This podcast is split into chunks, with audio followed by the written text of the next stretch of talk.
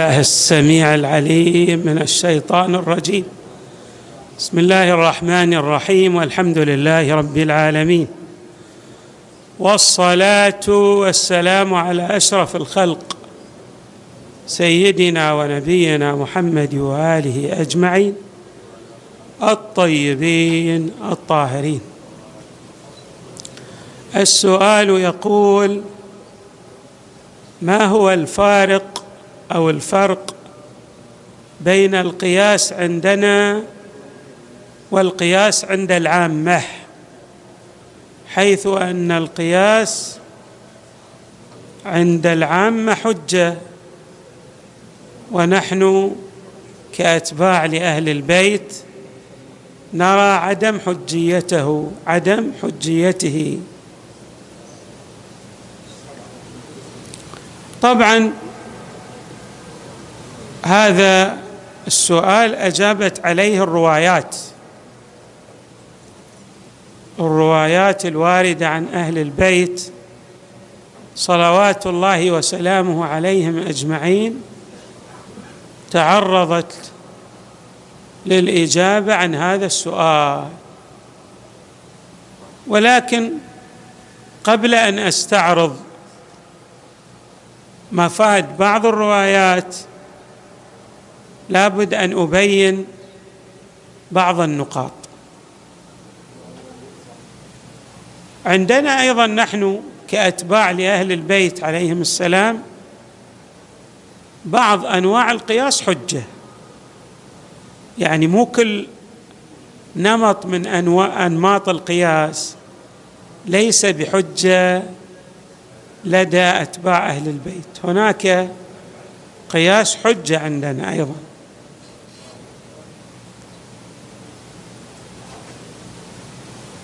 النقطة الأخرى ما هو المراد من القياس عند العامة؟ وما هو المراد من القياس الحجة لدينا؟ القياس الذي نريد أنه ليس بحجة عندنا هو التمثيل في المنطق. يعني وجود تشابه بين شيئين. في بعض الأمور في بعض النقاط.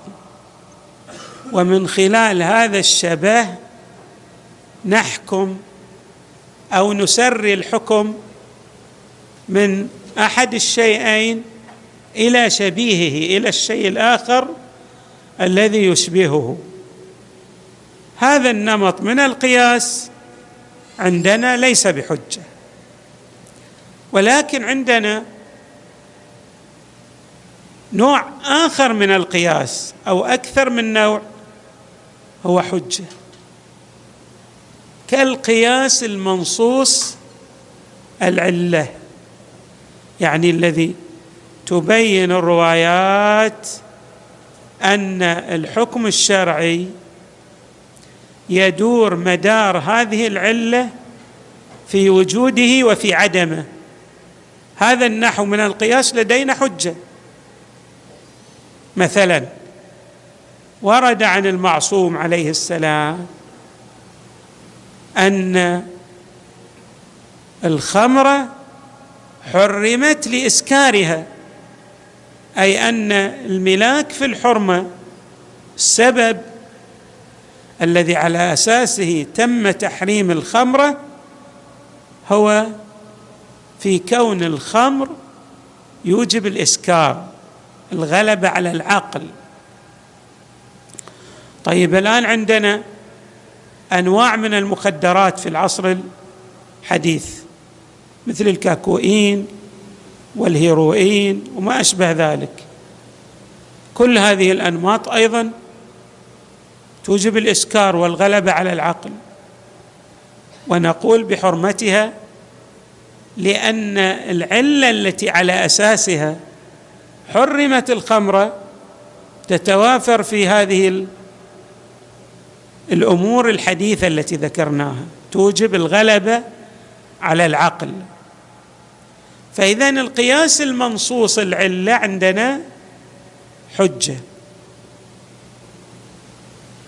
أيضا عندنا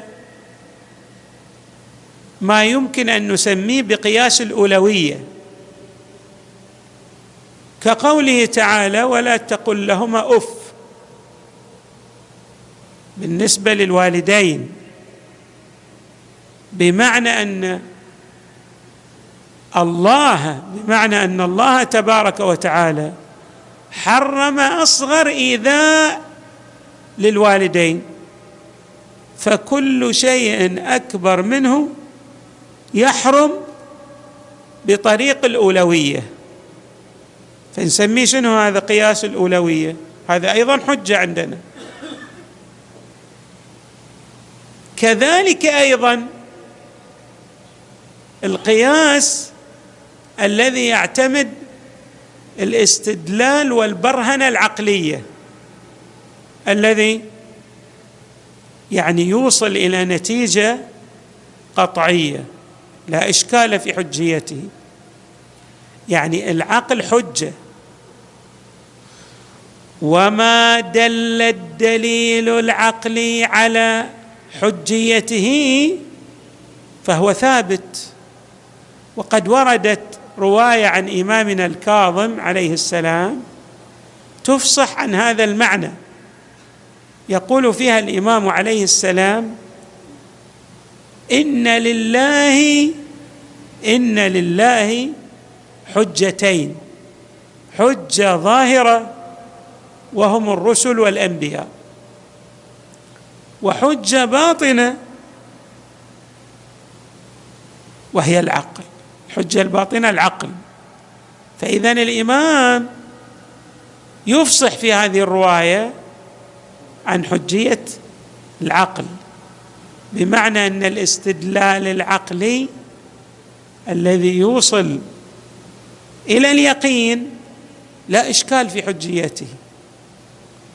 ويعبر عن هذا علماؤنا بقولهم القطع حجة بمعنى أن العلم الجازم حجة.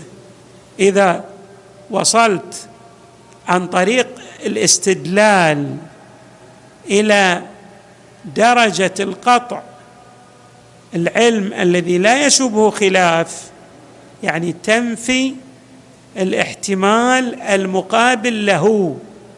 فهذا أيضا القياس حج. والخلاصة عندما نقول القياس ليس بحجة عندنا كأتباع لأهل البيت فهذه الكلمة تحتاج إلى إيضاح. عندنا نمط من القياس هو حجة كما ذكرت بعضا من أمثلته. هذا لا إشكال في حجية هذه الأنماط من القياس عندنا.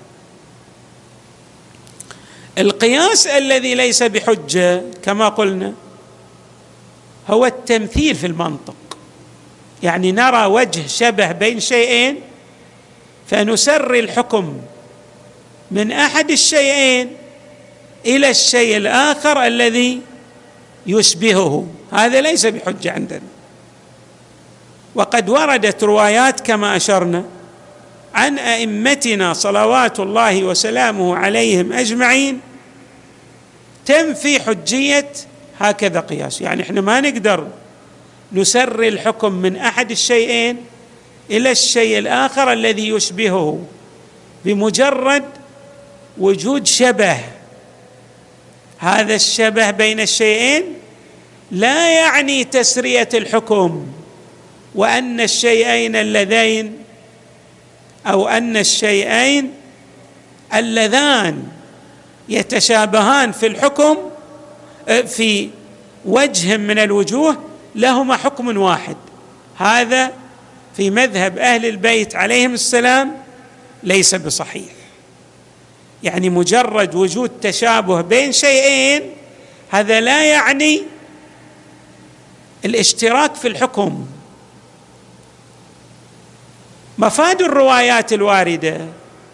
أننا لو قلنا بهكذا يعني لو قلنا بحجية القياس على هذا النحو أن الشبه يكفي في تسرية الحكم من أحد الشيئين إلى الشيء الآخر هذا القياس يوجب محق الدين. الرواية تقول إن السنة إذا قيست محق الدين. بالإضافة إلى ذلك إحنا عندنا دليل. وقد أيضا جاءت الروايات تبين مفاد هذا الدليل. خلاصة هذا الدليل كالتالي إحنا ما نقدر نصل إلى فهم علل الأحكام الشرعية. ما نقدر نعرف ليش الله لماذا الله تبارك وتعالى جعل صلاة الظهر أربع ركعات صلاة العصر أربع ركعات صلاة العشاء أربع ركعات صلاة المغرب ثلاث ركعات صلاة الصبح ركعتين. ما ندري العلة ما نعرف العلة. وحتى بعض الأحكام الشرعية التي مثلا وردت ورد بيان يمكن أن يعني يفهم بأن هذا البيان الوارد هو علة الحكم. هذا ما نسميه علة نسميه حكمة. مثلا الصلاة ورد فيها إن الصلاة تنهى عن الفحشاء والمنكر. بس هذا مو العلة لإيجاب الصلاة. مو بعله هذه حكمة. كذلك أيضا الصوم لعلكم تتقون. طيب واحد يقول أنا أصوم لكني أقترف مثلا بعض الذنوب والمحرمات. هل يسقط عني الصوم؟ لأن ما يعني أصبحت من الأتقية. لا. هذه حكم تترتب على بعض العبادات بمعنى أنه لا يدور وجوب الصلاة مدار النهي عن الفحشاء والمنكر ولا يدور وجوب الصوم مدار ماذا؟ ترتب التقوى عليه. مو بهذا المدار. الله تبارك وتعالى أوجب هذه الأحكام الشرعية ولكن ما نحن لا نعرف علل هذه الأحكام. يعني أي أن عقلنا لا يصل إلى فهم علة الحكم الشرعي. فعندما نقول القياس ليس بحجة لأننا لا ندرك علة إيجاب أو وجوب هذا الحكم وحرمة ذلك الحكم. ما نعرف العلل للوجوب للوجوب والحرمة. وكذلك للكراهة أو الاستحباب. ما نعرف. علل الأحكام. من يعرف علل الأحكام الشرعية؟ المشرع الشارع المقدس. هو الذي شرع هذه الأحكام وهو الذي يعرف علل هذه الأحكام. أما نحن كمكلفين ما نعرف ليش الله أوجب علينا ذلك الحكم. إحنا مجرد عباد نطيع الله تبارك وتعالى في الأوامر التي أمرنا بها وننتهي بحسب النواهي. بعض هذه الأحكام التي نأتي بها تترتب عليها ثمرات وحكم ومصالح بس ليست هذه الثمرات والحكم والمصالح المترتبة على الأوامر والنواهي هي العلة التي جعلت الحق تبارك وتعالى يأمر بذلك الحكم وينهى عن ذلك الحكم الآخر. الأمر ليس كذلك. يعني بمعنى أن الله تعبدنا كما يذكر ذلك أمير المؤمنين عليه السلام في الحج. يقول الله تعبد عقولنا في يعني خطبة أو رواية مطولة يبين فيها إمامنا أمير المؤمنين عليه السلام في آه، يعني الحكمة في أن الله تبارك وتعالى أوجب علينا الحج. في ضمن ما يبينه الإمام المؤمنين يقول إن الله وضع بيته الحرام في هذه البقعة من الأرض ليتعبد عقول الناس عقول المكلفين. ما وضعه في مكان آخر غير هذا المكان. وقد واحد يتساءل لماذا وضعت البيت الحرام في هذه البقعة من الأرض في هذا الوادي. وهناك أودية يعني فيها ماذا؟ آه يعني مناظر خلابة تسر الناظرين. هذا الله يريد أن يتعبد عقول البشرية جمعاء في إيجابه للحج على الناس كافة. اذا يكون ننتبه أن بعض التشريعات الإلهية نحن لا ندرك علل ذلك التشريع أو علة ذلك التشريع لكن نعرف أن الله تبارك وتعالى لحكمة أوجب علينا ذلك التشريع.